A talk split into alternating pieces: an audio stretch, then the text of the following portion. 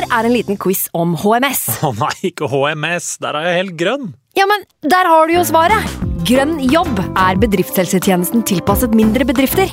Våre HMS-eksperter hjelper mer enn 8000 bedrifter over hele Norge med alt fra lovpålagte HMS-krav til pålegg fra Arbeidstilsynet. Få på plass bedriftshelsetjeneste på grønnjobb.no. Hallo? Jeg kommer fra Oslo politikammer.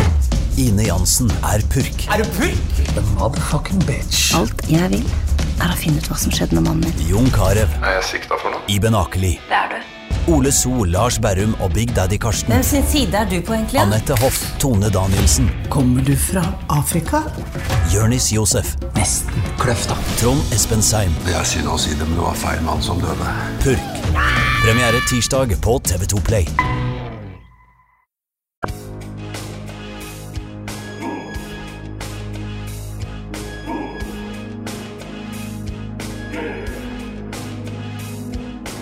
69. Den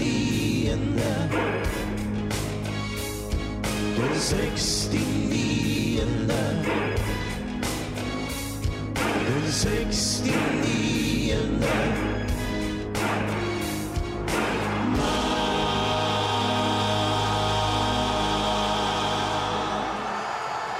Buss for tog er ikke det samme i Bergen som i andre steder av landet. For debatten rundt Branns deltakelse i det tradisjonelle 17. mai-toget endte med at Brann-spillerne ble kjørt med buss ned et område hvor det skulle gå i tog fra. Moses har blitt en profet i Ålesund, da deres bønner endelig har blitt hørt. Endelig er det en målrik runde i Eliteserien igjen, selv om Isnes og Rekdalsmenn gjorde alt i sin makt for å opprettholde lave snittet. Dette og mye mer i dagens episode av Den 69. mann, som er nummer 23 i rekken. I dagens episode. I dagens episode skal vi som vanlig snakke om runden som har vært, og vi skal presentere rundens lag og stjerner. Men i dag er det to dager til fjorårets cupfinale, så vi må derfor sette av litt tid til å snakke om lørdagens oppgjør mellom Lillestrøm og Brann. Og som dere lytter og hører, er det den forbanna trønderen som har tatt ordet som ordstyrer igjen, og ikke vår eminente programleder Snorre Feldal, bedre kjent som han andre. Og for dem som har vært med oss en stund, vil, sikkert, eh, vil dere sikkert tenke at han er syk, men det er han ikke. Og de som hørte forrige episode, tenker at det sikkert er en eh, lekkasje i Snorres avføringspose. Det er det heller ikke, men det kunne det ha vært. Han andre skal levere en master, og er derfor tvunget til å prioritere feil. Men vi er som vanlig på plass, Frank. Hei til deg. God dag, god dag. Ja, det er godt å sitte her i bakfylla etter 17. mai-rusen og 16. mai-festen og alt det. Og liksom våkne opp og bare tenke at faen, vi må spille en episode nå, ja. Ja, for eh, det er ikke så mange episoder jeg og du har stått over, er det da? Nei, null til nå er det ikke så. Det er jo bare han, eh, han der andre som uh, sutrer seg bort inniblant. Den ene gangen du sto over, så presterte vi jo så dårlig at vi måtte uh, ta på nytt. Men uh, det skjer ikke hver gang Snorre ikke er med. Nei, stemmer. Det var den her vi hadde han Arskan som gjest, ja, og dere skulle spille inn rett etter at jeg har vært på stupfyllene i Det var i Sarpsborg. Første runde, var det ikke det? Jo, stemmer. Så, jo, det, dere klarer dere ikke uten meg, så det er greit at dere legger opp til at jeg skal være med. Ikke sant. Uh, har det kommet etter festen med Bodø-Glimt-spillerne i går, da? Ja, altså ikke noe underdrivelse, så er det litt hodeverk. Men jeg har kjørt på med hangover-kuren min, så formen er på stigende, stigende nå. Men uh, det var gøy i går. Var egentlig på tur hjem og stekte innom en siste uteplass. Og så, før jeg vet ordet av det, så sitter jeg på bord i lag med Sondre Sørli, Sondre Fet, Nikita Haikin, Nino Sugell, Morten Konradsen. Ja, det var gøy. Uh, de, de, var jo selvfølgelig uh, meget mindre bedugga enn det jeg var da, men det var gøy uansett å sitte og skravle litt skit, så Ja, men det skal ikke bare være oss to i dag. Vi skal jo snakke om cupfinalen som spilles på søndag. Og da har vi naturlig med oss en supporter fra Brann og en fra Lillestrøm. Jonas Grønner insisterte sterkt på, på, at han ville være med, men det er ikke noen forskjell på oss og Lars Arne Nilsen. Så vi satte han på benken og inviterte med en annen tidligere gjest fra Bergen. Sean Røskeland, velkommen tilbake til oss. Tusen takk. Tusen takk for at jeg får lov å være med. Du var jo allerede med i episode fire, og da var vi allerede innpå at Brann ville kjempe om en eh, topp fire-plassering i år. Står sesongstarten i stil med forventningene? Ja, det Man kan vel si at han er omtrent som man i beste fall kunne håpe på. Uh, men det var jo litt usikkerhet knyttet til uh, egentlig mye. Motstanden man hadde møtt, og ja, troppen sin bredde og hvor mye de hadde å gå på. Vi hadde en uh, cupspesial før kvartfinalen, og da spådde vi faktisk Brann som cupmestere, om jeg ikke husker helt feil. Men da var det mot Glimt i finalen. Eh, det ble ikke Glimt i finalen, men i stedet ble det Lillestrøm, og derfor har vi hatt med oss deg, Mats Sortnes Granvoll. Velkommen skal du være. Jo, takk for at jeg ble invitert. Hvordan eh, har du det for lørdagen? Har, har nervene begynt å komme? Eh, jeg har begynt å tenke litt på det nå. Jeg fikk gjort unna 16. mai i går, som var en dårlig, dårlig test. Så da regner vi med at cupfinalen blir hakket hvassere. Vi har jo kjørt en eh, bli kjent-runde med Sean tidligere, men eh, du er jo et nytt bekjentskap for oss. Så jeg googla deg mm. litt og fant ut at du er medlem av en annen podkast som heter For 90 minutt. Du kan jo bruke ikke 90 minutt, men kanskje 30 sekunder på å reklamere for egen podkast? Ja, vi driver en, eller vi, vi, jeg og to andre driver en podkast der vi snakker eh, internasjonal fotball, ikke så mye norsk. Så det er, eh, det er ikke veldig stas å få være med og prate norsk ball, for det, det er noe jeg også brenner ganske mye for. Men uh, der bruker vi hovedsakelig tida vår på, på å prate engelsk og spansk og, og, tysk og italiensk og fransk fotball. Så det blir, det blir mye fotball i løpet av en uke. Skulle jeg gjerne ha hørt på det, det hadde jeg mest sannsynlig gjort for to år siden, men jeg har lagt mm. bort alt som er internasjonal fotball, eh, bare fokusert på norsk. Men uh, for de som er interessert i internasjonal fotball, så er det en mm. podkast ut der for dere. Videre, når jeg googla, så fant jeg ut at du har bøtta inn mål for Strømmen. Eh, Riktignok Strømmen 3, men eh, strøm er strøm. Og nå har du en, assist nå har du en assistentrolle i Gjelleråsen. Fortell litt om deg sjøl og mm. din uh, fotballkarriere. Altså Fotballkarrieren min begynte lenge før min fotball, altså, så måla mine står nok ikke registrert noe sted. Men uh, født og oppvokst på Strømmen. Spilte seniorfotball der til uh, jeg var i starten av 20-åra vel. Tok ett år i Hønefoss, og etter det så ble det Strømmen 3. Eh, og så Et par år seinere begynte vel egentlig trenerkarrieren. Eh, Starta med et par år i ungdomsfotballen i Strømmen, eh, før det ble et par år i ungdomsfotballen i Gjelleråsen. Og nå er jeg assistent for en annen trønder i Geir Runar Romli på, på Gjelleråsen sitt. Ja. Vi har to dager unna en cupfinale, en cupfinale som kan bety nok en pokal i skapet og deltakelse ut i Europa. Vi skal snakke litt mer om eh, cupfinalen senere i episoden. Eh, for først så må vi snakke om fotballens nasjonaldag og runden som nettopp ble spilt. 69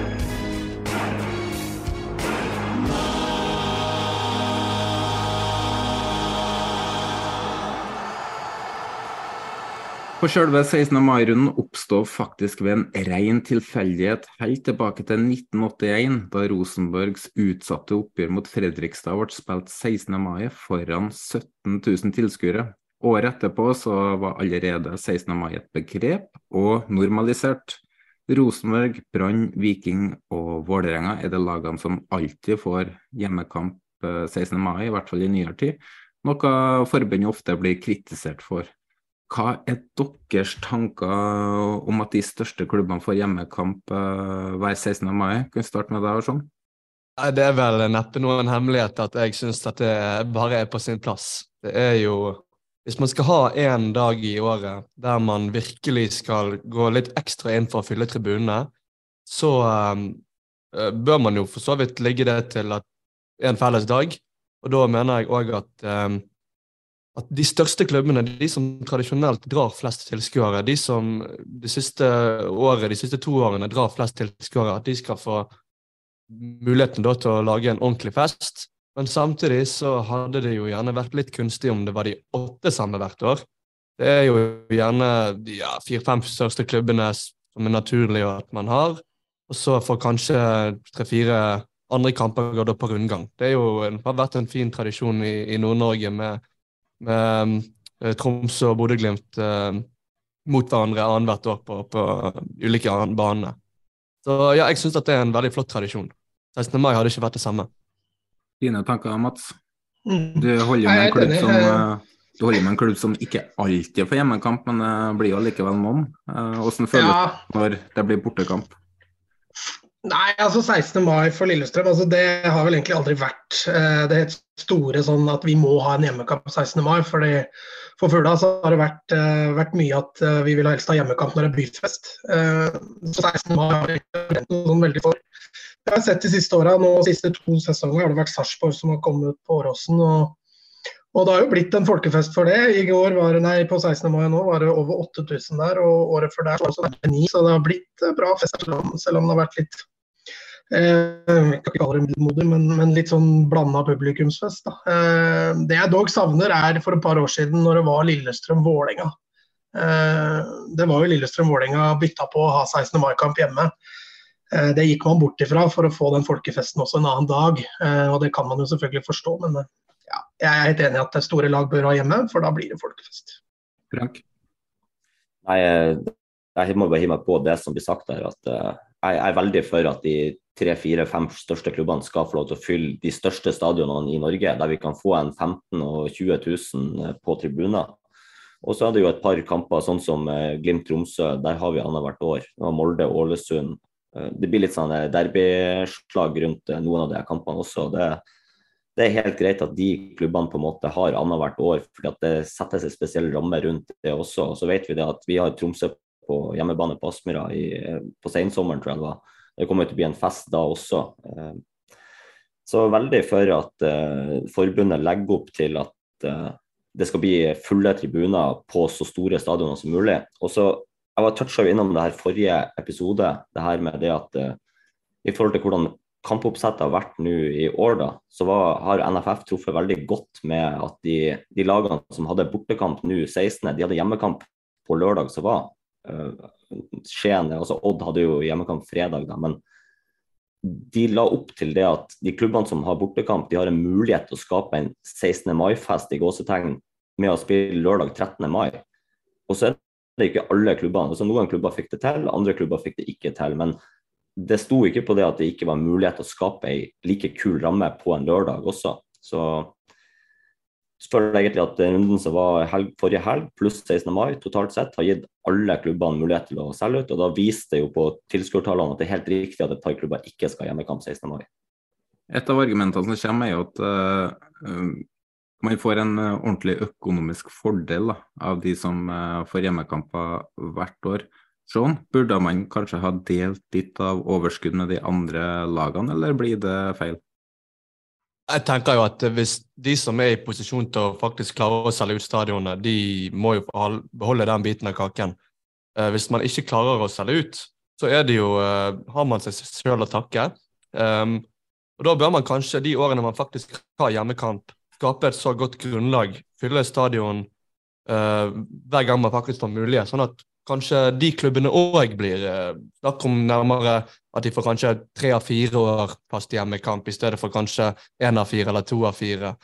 Og så litt inne på det som med Mats sa med, eh, med Lillestrøm-Vålerengen på, på 16. Eh, mai, så er det jo eh, så er det jo kanskje litt eh, Det er en så stor kamp at den bør man kunne klare å fylle uansett hvor tid på året den går.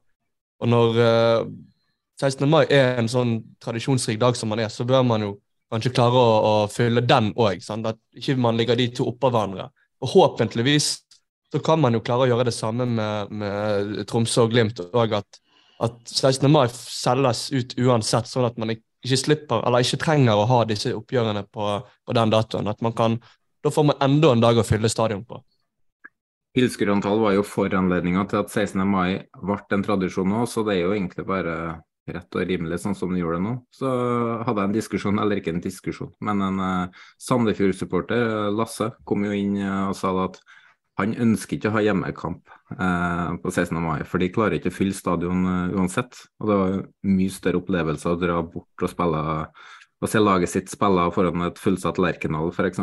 Så um, og det tror jeg òg, hvis Sandefjord hadde hjemmekamp nå, så hadde de jo ikke solgt noe mye mer enn de hadde gjort i en vanlig kamp.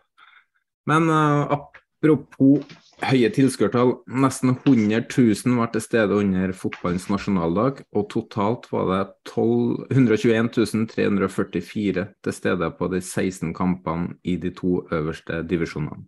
Det samla antallet var rundt 5000 lavere enn fjorårets rekordnotering da publikum strømma tilbake etter to år med pandemi. Og til tross for sviktende spill, destruktiv fotball, få målsjanser og ingen skåra mål, greide faktisk Ålesund å selge unna 8802 billetter til rivaloppgjøret mot Molde. Og det er nok ikke mange fra hjemmeseksjonen som angrer på det i dag. For det var gått 725 minutter siden Moses satte inn 1-2 borte mot Tromsø 13.11.2022. Og etter 40 minutter mot Molde 16. mai satte han inn 1-0 på straffespark. Hvor viktig var den skåringa for deg, Sean? Det er jo uh, Man har gått så lenge uten å skåre et eneste mål, og stemningen har vært som den har vært. Uh, uh, slipper inn vanvittig med mål og, og sparker treneren, så er det jo Det går ikke an å måte, beskrive hvor, hvor, stort det er at man får den skåringen da. Spesielt på 16. mai hjemme mot Molde, som er den store fylkesrivalen. Det er den unnet jeg virkelig Ålesund-supporterne. For etter en litt usynlig førsteomgang våkna Isak Katanga etter vinden, hvor han satte inn både 2 og 3-0 i løpet av fire minutter. Kan man kalle det for en, den berømte ketsjup-effekten, Mats? Eh, ja, altså jeg tror ikke vi skal friskmelde han helt ennå. Eh, han har jo starta mye på benken, men det er klart to mål, seier over rivalen. Eh, dette kommer til å gi en positiv boost, eh, så vil jo de neste kampene avgjøre om, om, om det har løsna. Hva sa med Molde? Vi snakka sist om at de var på gang igjen, og at i løpet av kort tid ville være topp tre i Eliteserien. Så går, det, går, de på en smellen her mot tabelljumbo og mot det laget som er vaksinert mot å skåre mål. Molde har knapt uh, sluppet inn mål i 2022. Men til nå i år har de sluppet inn tolv mål på åtte kamper. De har henta en spiss til nesten 40 millioner som ennå ikke har skåra. Wolf Eikrem sliter med kroppen, og det samme gjør Berisha. Brynildsen kan fort forsvinne til sommeren, til tross for at han har underprestert kraftig denne sesongen. Hvorfor sliter Molde så mye som de gjør, Frank?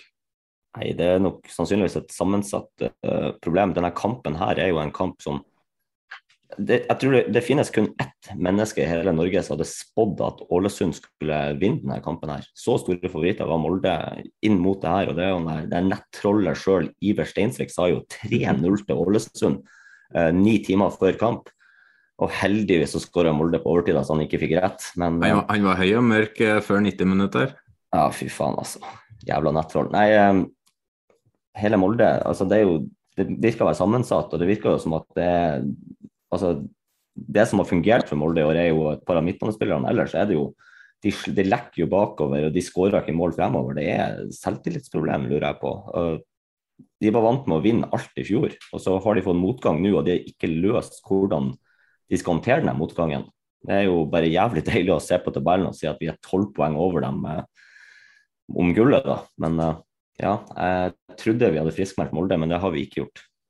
For eh, XG-tabellen viser jo at de, de la, produserer jo målsjanser, og de slipper jo ikke så mange sjanser imot sesongen sett over ett nå. Men uh, likevel, alt går jo inn på dem. Og de skårer jo to mål mot Ålesund. Nei, det er ett mål mot Ålesund. og det skal jo i utgangspunktet være nok til å ta poeng mot et lag som verken skårer eller uh, har laga målsjanser tidligere i år. Ja, Nå er det jo De her rivaloppgjørene er jo litt altså Vi toucha inn på det tidligere at det er jo kamper som lever sitt eget liv. da. Eh, så at Ålesund ikke hadde skåra før denne kampen, her, da er det jo veldig typisk at det er en sånn her kamp det målet kommer. Det er jo litt sånn som Sammenligna med Glimt og Tromsø, da, så er det sånn uansett hvor store favoritter på tabellen Glimt er overfor Tromsø, så lever de kampene sitt eget liv. Det, man tar aldri lett på det, fordi at det er så mye mer enn bare én fotballkamp. Vi går videre, for det er ingen runder uten dommersnakk. Eh, for det er kanskje ikke VAR som er problemet i Stavanger, og heller ikke en dommerskandale for den del, For det er snakk om to svært marginale avgjørelser. Men gode lag har eh, flaks og avgjørelser med seg, noe Viking fikk i de to avgjørelsene som snudde kampen. Det så lenge ut at Odd skulle spolere 16. mai-festen foran 15 900 tilskuere i Stavanger med en sterk mentalitet, og dommeravgjørelser som ikke favør Viking, sørga for at de snudde 0-2 til 3-2 etter to straffespark som Slatko Tripic satt kontant i mål, og en heading fra luftens baron Sander Svendsen. Etter en, et uheldig resultat på Lerkendal i seriepremieren har ikke Sidisan sett seg tilbake, og de har nå skåra 16 mål på sine siste seks kamper. Er det pausepraten fra Årsheim og Jensen som er bra, eller oppladninga til match som er for dårlig, Sean? Ja, det Uten å ha vært inne i den garderoben, så er det vanskelig å slå fast noe der. Men, men det kan jo tenkes at, eh, at eh, det er en kombinasjon av begge deler. Man så jo det samme når de møtte eh, HamKam for et par runder siden. En, en andreomgang som var vesentlig forskjellig fra den første omgangen. Der de leverte en, en meget svak førsteomgang og kom ut i 100 i andre omgang. Så, men det er, det er i hvert fall et eller annet med Viking det, det må jo være noe med det mentale, enten det er inngangen som er for svak, eller at, ja, at ikke de er helt påskrudd. da. Det, det, kan det jo se ut som. Det var to matchavgjørende avgjørelser som gikk i favør hjemmelaget. Brekalo gikk i bakken, og Jevtovic hensa. Du var litt kritisk til de avgjørelsene, Frank? Om jeg var kritisk, ja. Jeg sa det vel eh, forrige episode òg. Hagenes han holder et ekstremt lavt nivå på dømminga si så langt i år. Eh, og han, altså, han ødelegger rett og slett hele kampen for uh, Odd. Jeg syns synd på Odd som får de to straffene mot seg. Eh, altså den, han Brekalo går i bakken med han Hagen, er det vel. Det er jo, altså, det beste fall en kraftig overspilling. Og den hensen på Jevtovic, det er så lett å se at den armen er utenfor 16. Det er skandaledømming, rett og slett. Og at VAR ikke kan gå inn her og hjelpe til, det er også helt på trynet. Jeg syns synd i Odd-supportere som eh, på en måte får hele den 16. mai og 17. mai-festen spolert av dårlig dømming. Jeg vet ikke om jeg er helt enig med Frank, for eh, Brekalo blir jo holdt, og så kan du si at han overspiller jo. Eh, men holdninga jeg, jeg, ser to, jeg, ser, jeg ser to spillere som holder hverandre. Ja, eh, for selve at den går i bakken, det er jo litt overspilling. Men at dommeren ikke ser holdninga til Brekalo, det Altså, han skjuler det jo veldig godt, så jeg har jo stor forståelse for at dommeren eh, ble straffet der. Hvis han ser at Brekalo ble holdt, men ikke ser det motsatte, så må han jo blåse. Og den prøvde å kikke litt på den hands-situasjonen. Jeg har sett bilder fra flere forskjellige vinkler, og det, den er marginal, og jeg blir ikke enig med meg sjøl om den er på streken eller ikke. Og, så, og da kan ikke VAR gå inn og, og, gjøre noe med det. Men man kan jo heller spørre hvorfor har de ikke eh, kamera som følger strekene. Det er jo eh, Jeg vet ikke hva du tenker, Mats? Jeg, er helt enig med deg. Eh, jeg klarer heller ikke å se på reprisen om den Hensen er innafor eller utafor. Eh, og det, det var greiene vi har i Norge nå, det, det, har vist egentlig fra starten at det Altså jeg er ikke noe sånn at jeg er veldig negativ, nødvendigvis negativ til VAR, men så lenge vi har den løsningen med VAR som vi har i år, så, så kunne vi egentlig lagt ned hele greia. Det, det, er ikke bra nok. Og med de bildene vi har ut fra den Hensen, så, så klarer ikke jeg å konkludere heller om den er innafor eller utafor. Eh, og da skjønner jeg at dommeren sliter med å ta et, klar, et klar valg. Da. Eh, han har jo tydeligvis sett at og mener han er innafor, og da, da, mener jeg da, må, da gjør han jo riktig når han blåser straffe. Jeg tror jo Hvis han ikke har blåst straffe, så tror jeg det har vært noen i Stavanger som hadde reagert på at, den, på at det skulle vært blåst. For vi ser jo på Twitter at uh, alle Viking-supportere de mener jo at det er jo to avgjørelser som er riktig. Og Odd-supportere mener at det er total skandale. Så det er jo, det er jo ikke akkurat noe Eh, fasit på hva som er riktig ut ifra bildene vi har eh, sett? her sånn? Nei da, og den første der med, med Brekalo, altså, eh, ja, er, jeg mener den er helt klart billig. Men sånn da man opererte med VAR også internasjonalt, så hadde ikke VAR gått inn og gjort om den heller, for den er ikke clear and obvious feil. Og, så der har Viking selvfølgelig litt flyt, som får den straffa. Men eh, ja, som supporter av Odd så skjønner jeg at det er bittert, men, men samtidig OK, egentlig. Men det er jo det at Brekalo i tillegg holder, at det er to mm. stykker som gjør en forseelse. Det er jo det du reagerer på, Frank? Ja, jeg mener at er to spillere er like gode, rett og slett. Jeg syns det er jævlig billig å dømme straffespark på dem. Mm. Det er i hvert fall eh, veldig delte meninger om, eh, om de situasjonene der. Men gode lag har de avgjørelsene der i ryggen, og det har Viking nå. og Det ble 3-2-seier og Viking opp på andreplass. Vi skal videre til Trondheim, for når Viking ikke har tapt siden seriepremieren mot Rosenborg, så har trønderne kjørt motsatt formkurve, for de har ikke vunnet siden seriepremieren mot Viking. I tillegg til sviktende resultater har heller ikke spillet på banen skapt begeistring for de ellers så seiersvante trønderne. En god andreomgang mot Molde og en heil god kamp borte mot suverene serielederen Bodø-Glimt er beholdninga til nå. Men publikum svikta aldri Rosenborg på 16. mai, og hele 21 264 tilskuere tok turen til Lerkendal i håp om å se både seier og artig og angrepsvillig fotball. Fikk de servert artig og angrepsvillig fotball, Frank?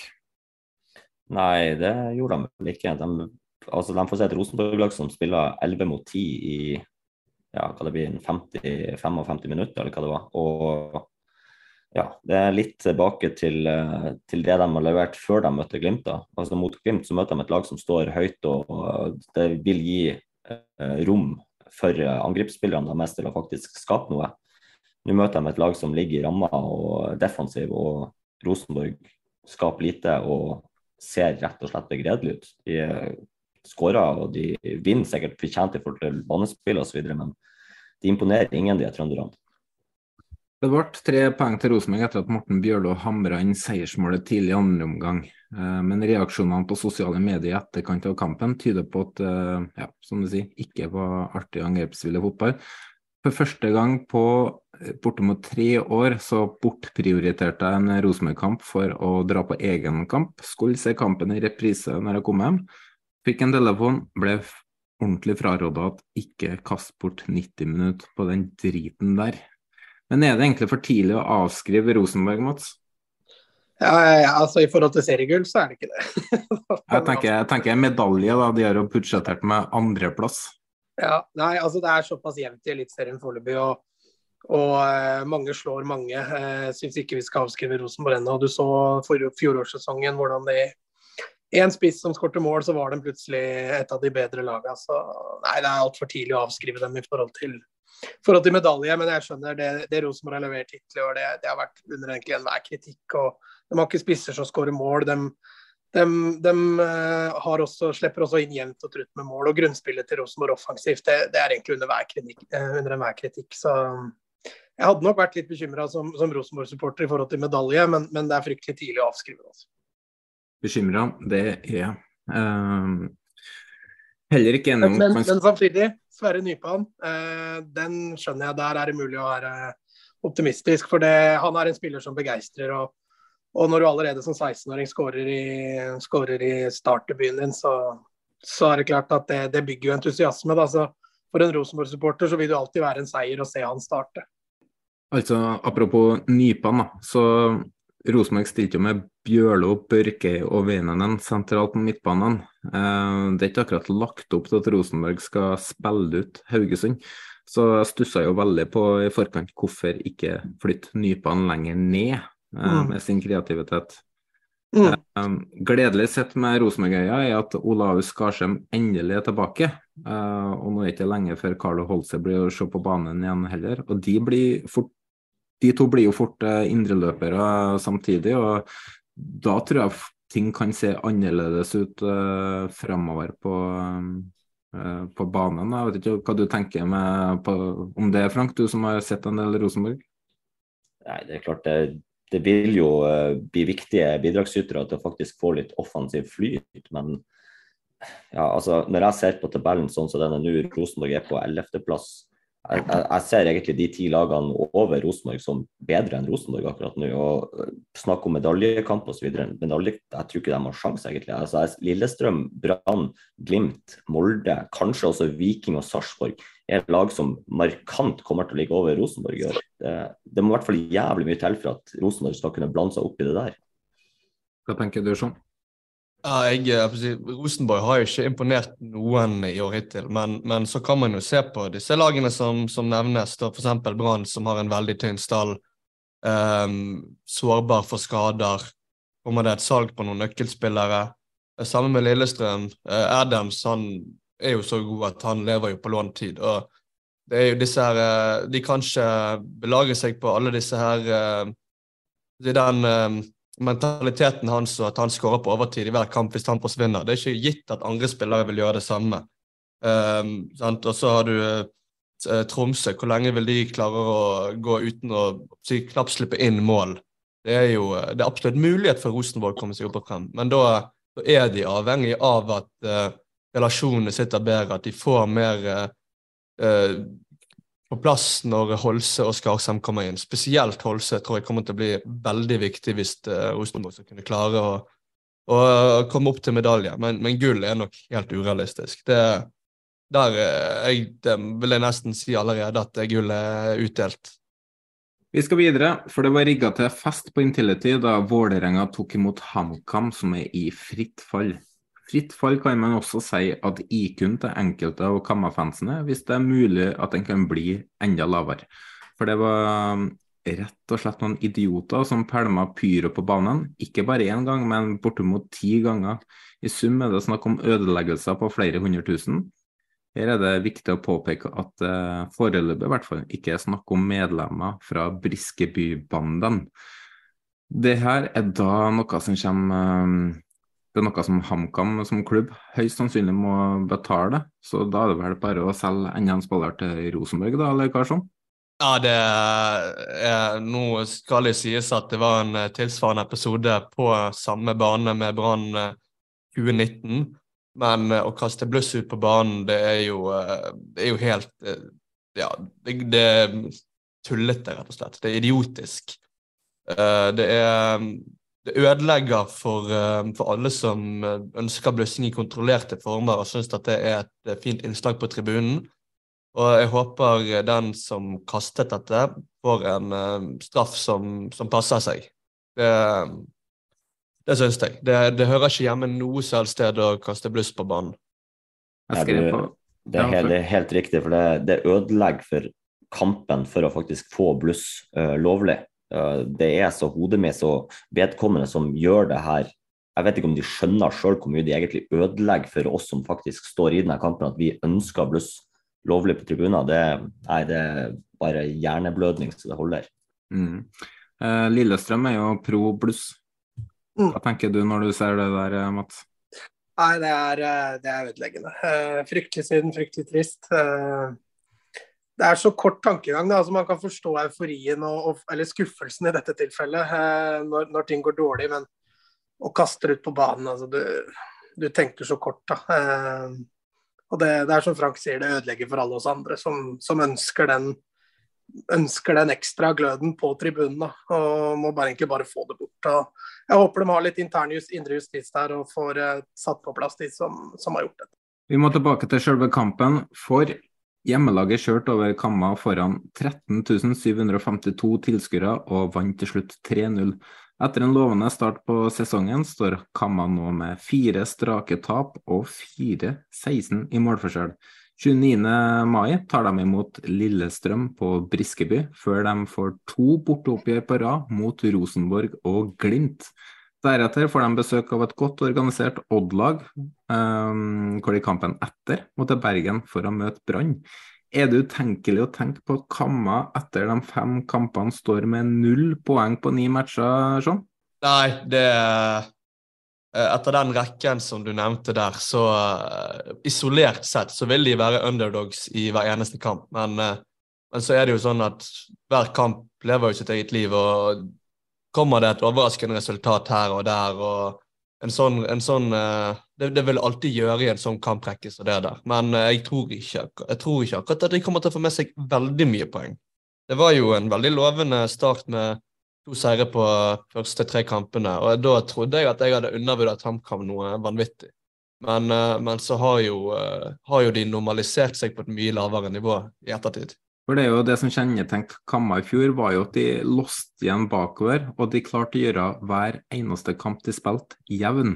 De hadde vel bare ett bananskall i fjor, ellers så var samtlige kamper omtrent uh, jevn. Både noe som alle våre tre lag merka i fjor, i hvert fall. Um, Men nå så virker det som at alt går inn, og i går så hadde jo, eller på 16. så hadde jo en keeper som omtrent kasta ballen i eget mål. Uh, hva har du å si om Kamma, Frank?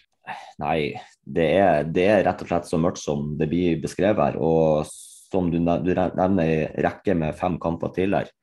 HamKam har fortsatt seks poeng etter de fem kampene. og Da må uh, alarmene og varsels, altså alt av varslingssignaler må gå, fordi at de er ikke bedre. og nå kan de kanskje berge seg med det at det er flere lag som ikke er så gode. Klart Ålesund fikk en seier nå, hva blir det å gjøre for dem i fem neste kampene? Sandefjord så som så, eh, Godset Ja, det er noen lag som ikke er på et veldig høyt nivå akkurat nå, så det kan berge dem. Men HamKam har null poeng de neste, neste fem kampene òg. Vålerenga da, Mats? Flere mm. sterke resultater og prestasjoner den eh, siste tida. Kan de klare å kare til seg eller komme seg inn i en kamp om medalje, eller er det litt for lite kvalitet i troppen? Altså Kanskje bredden først og fremst i, i Vålerenga som, som, ikke er all verden. Altså, de har mye unge, veldig spennende talenter som, som er bredden i Vålerenga nå. og det, det kan, jo bare, kan jo eh, skade dem over en lang sesong, men grunnspillet til Vålerenga ser jo mye bedre ut enn det de har gjort på lenge. Mot Lillestrøm var de jo klart best så lenge de var elleve mann. Eh, mot Rosenborg gjør de jo en strålende prestasjon, riktignok mot et svakt Rosenborg-lag eh, offensivt. og burde hatt med seg tre poeng fra Haugesund forrige runde og tar en fullt fortjent seier nå mot Kamma. Så det ser, det ser skremmende bra ut. og Uh, en Sidi Jata som ser ut til å finne i målformen, så, og en Bjørdal har vært strålende. Så jeg syns, syns det ser bra ut for Vålerenga. Medaljekandidat foreløpig, kanskje litt tidlig, men, uh, men, det er et potensial i Vålerenga som, som, er litt skremmende. Også, der. Ja, Jeg, eh, jeg, må slutte meg til det. Nå har, jo, har de jo faktisk fått syv poeng på de siste tre kampene. Og på de tre foregående tapene, som da gjorde at de lå svakt til på tabellen, så har de tross alt møtt god motstand. Men uh, de har møtt både begge cupfinalistene, uh, og de gjorde jo for så vidt en ganske bra kamp mot Lillestrøm før det røde kortet kom. Og så um, Sarpsborg-tapet. Det er jo også et uh, Sarpsborg er jo ikke et dårlig lag. Det er jo et lag som, som jeg senest på lørdag fikk oppleve at kan spille, spille, ut de beste lagene. Så jeg har vært en uttalt Fagermo-kritiker i lang tid. Men, eh, men, nå ser det faktisk ut som han kan få sving på sakene. Men det er jo det, er jo det som er typisk med, med Fagermos VIF, er jo at de gjerne har en god rekke på x antall kamper før det kommer en like lang rekke med svake resultater. Vi kan jo gå videre til Serpelona, som de kaller seg sjøl. For um, i år som i fjor så spilte Lillestrøm hjemme mot Sarpsborg 08 16. mai. I 2022 ble det 1-0 til hjemmelaget, men i år hjalp til og med ikke en overtidsskåring av Akor Adams, og det ble til slutt 1-2 foran 9029 tilskuere på Åråsen. Er du skuffa, Mats? Ja, det er jo det. Eh, nå har vi jo bygd opp en viss forventning i løpet av sesongen. Selv om vi ikke har spilt all verdens bra fotball til tider, så, så har vi jo vært gode til å bikke resultatene, spesielt på overtid med, med Adams. Eh, den kampen her er fryktelig svak. Eh, vi, vi sliter eh, i det etablerte offensivet. Vi, vi etterlater altfor store rom defensivt, og vi blir kontra på så fort vi mister ball offensivt. og da var litt som jeg sted, det var en dårlig, dårlig prøve i forhold inn mot cupfinalen. og Jeg vet noen spillere ble spart, men jeg håper og tror at vi, vi, strekker oss mye lenger enn dette når vi møter Brann i finalen på lørdag. For det, det her var, var ganske tynn suppe i, i 90 minutter. For Vetle Skjærvik var inne fra start. Det samme var Uber Charles.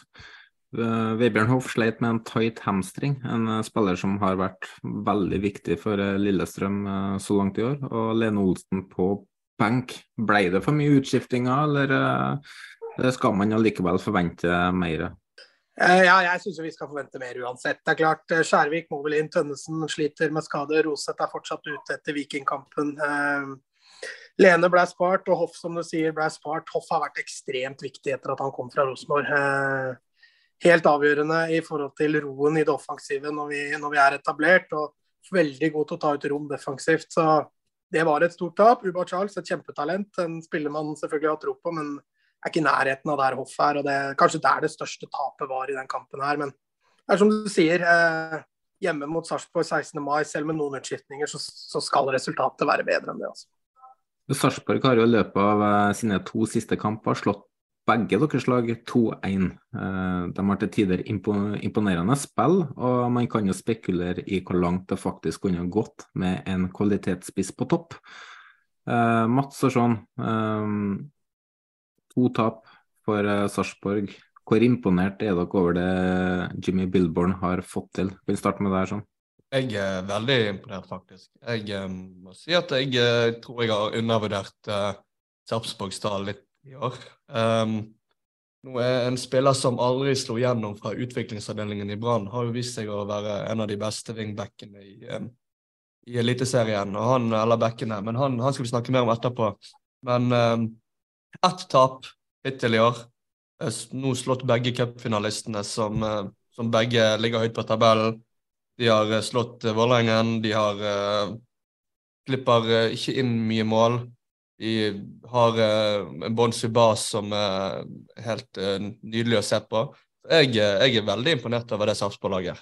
Ja, så har de et veldig de har et veldig bra grunnspill offensivt. Da. De er veldig tydelige i det de gjør offensivt. Eh, eh, at de har fått Sar Sarpelona som et kallenavn, for så vidt passende, selv om de ikke vet det er, så, så, er de veldig ballskikkelige. De, de, de er veldig trygge. De, de vet alltid hvor de har hverandre da, når de er offensivt. og jeg, jeg er veldig imponert over Sarpsborg så langt. Eh, når det gjelder undervurdert, altså at Sarpsborg havner til slutt rundt midten fordi de, kommer til å variere, det, det, tror jeg fortsatt. Men at Sarpsborg kan havne nærmere medalje nedrykk, det, det er ganske jeg tror fort at Serpelona begynner å si det òg. Eh, jeg tror fort at de hadde vært det laget som har vært nærmest Glimt, om de har hatt en ordentlig spiss på toppet. topp. Uh, Frank, mm. se for deg eh, Sarpsborg med Faris Pemi på topp.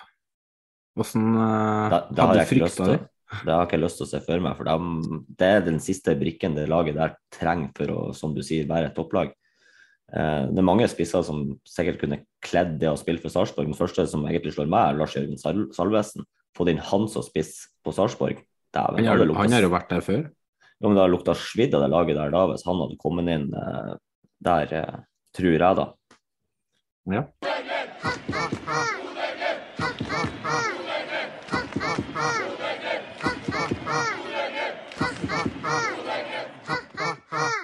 Tromsø og Vegard Erlien kom raskt ut av startblokkene, og de tilreiste minionsene fra Bodø hadde knapt rukket å satt seg ned på setene før de satt pølsevannet i vrangstrupen, etter at Erlien satte inn 1-0 til hjemmelaget. Men hjemmelaget hadde knapt rukket å øh, feire ferdig før Faris Pemi utligna. Pellegrino satte inn 1-2 øh, på straffespark. Pemi satte inn andre, sitt andre for dagen 13 minutter ut i andre omgang. Og etter en drøy time så reduserte Erlien, som også satte inn sitt andre for dagen. 2-3 ble også sluttresultatet, men 6691 tilskuere kunne likevel glede seg over at de greide å skape flere sjanser mot den suverene serielederen. Frank, du skulle jo på kampen, du, men slik gikk det ikke. Nei, sånn er det å være eh, bedriftsleder og få sykemelding på en ansatt, dessverre, som gjorde at eh, jeg måtte dekke et skitt skift sjøl som gjorde at jeg ikke kunne reise. Så i hvert fall godt å vite at jeg fikk gitt eh, flybilletter og kampbillett videre, så det ble benytta av eh, andre. da, Så det ikke var et tomt sete som Vålerenga-supportere er så glad i. Så nei, selve kampen. Veldig underholdende kamp, veldig mye nerve. Sånn som rivaloppgjøret mot Tromsø skal være. Leve sitt eget liv Tromsø tidvis er veldig god, selv om at eh, banespillet er det jo Glimt som dominerer egentlig det meste. Eh, men eh, satte, satte med nervene utpå kroppen de siste ti minuttene og bare tenkte at her må vi faen meg få dratt i land. Trond, kan vi dele ut gullet allerede nå? Ja, det, det mener jeg. Det skal det sies at Bodø-Glimt har spilt én kamp mer enn enkelte andre lag, men men eh, nei, med mindre det skjer noen eh, salg eh, av sentrale spillere i sommer, så, så bør dette her gå veien for, for, de gule. Det tror jeg. Og så om det så skjer noe salg, så har de jo god nok dekning til å, å kunne fylle disse inn. Og så er det vel sikkert noen spillere som har tidligere vært i Bodø-Glimt som kommer tilbake igjen òg, og sånn er det jo alltid. Men nei, Bodø-Glimt, de, det skal mye til for at de skal ikke skal vinne i år, tenker jeg. Det, da måtte det i så fall vært at, uh, at uh, hvis Brann hadde klart å holde, det, holde ut oppe i Bodø, så hadde de vært litt tettere på. sant? Men, uh, men nå er avstanden til de neste lagene så stor at ja, jeg, Sesongen er lang, men jeg tror nok det skal godt jeg også ta igjen. Føler du deg trygg på gull, Frank? Nei, jeg føler meg ikke trygg på gull. Men uh, det ser jo bra ut, da. Det gjør det. Uh, men jeg ser at det er mange gode lag i den divisjonen, og jeg avskriver verken Lillestrøm, Brann eller Molde enda. Men uh, det er godt Bodø-Glimt er jo litt der som Molde var i fjor, da. De har jo ikke vært blendende gode i alle kampene. Um... Altså, altså, det, de har vært gode, men sånn som Brannkampen, Rosenborg-kampen og Tromsø-kampen så er det rett og slett. Vi, vi redda jo ett poeng mot Brann eh, med sluttspurten. Og så er det det her med å Gode lag de vinner på dårlige dager. Eh, både mot Rosenborg og nå mot Tromsø så var det greit at kanskje Glimt var marginalt det beste laget, og de har heldigvis den kvaliteten som avgjør kampen. For det er jo de kampene som Glimt spiller der, mot Rosenborg, mot Brann, det er jo kan dra en parallell til Molde. da. Det er jo de kampene Molde taper nå. Mm. Så det er, jo, eh, det er jo det som er forskjell på eh, en seriemester og ikke. Ja, det, det er lov å ha flyt. Det er en ferdighet òg. 16. mai er en festdag for fotballen, og i sju av oppgjørene innfridde både arrangør og tilskuere. Det gjorde de ikke i Drammen, og all ære til dem som kom, men 5829, det er litt svakt, eller Mats? Ja, det kan du godt si.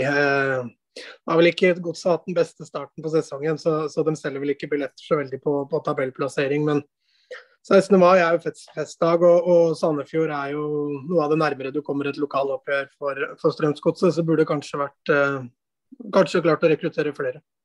For du sier jo Det er jo ikke, de har ikke hatt den beste sesongstarten, men eh, og også er det noen som sier at Sandefjord er ikke en attraktiv aktiv motstander. Men det kom over 21 000 på Lerkendal, og Rosenborg har ikke akkurat imponert noen.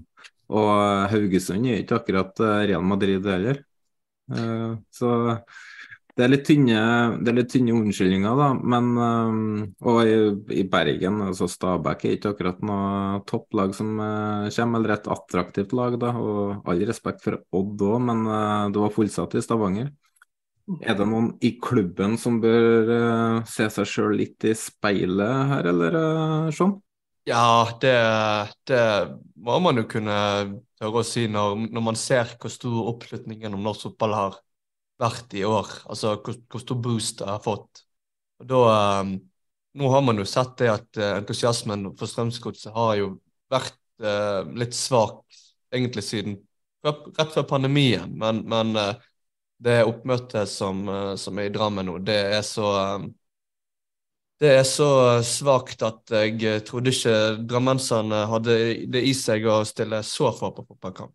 Men, men, eh, så samtidig så vet man jo dette her at det Isnes-prosjektet, det er jo noe som Det er jo en stor endring sånn spillemessig at man må, man må tørre å gi han tid til å kunne, til å kunne utforme dette prosjektet sitt. og det blir litt for tidlig å begynne å snakke om krise allerede nå. Så hvis man skal gjøre noen endringer, så tenker jeg at det er i hvert fall et feil sted å begynne. Jeg Snakka med Kim fra Godsunionen i går, og jeg var litt inne på det samme til han. At uh, Isnes kommer inn, ny filosofi, nye tanker, nye spillere. Uh, de har ikke vært dritdårlige. Altså, mot Lillestrøm så kunne de fort ha tatt poeng, og flere kamper de kanskje har ja, uh, hva si, kvaliteten i 16-meterne har uh, avgjort. Men så har vi sett offensivt, så har det kommet mer og mer til sin rett nå. Braut Brunes har åpna målkontoen. og jeg tror det, og Vi spådde jo i podkasten her tidligere at Godset kommer til å få en litt trang start, og så vil de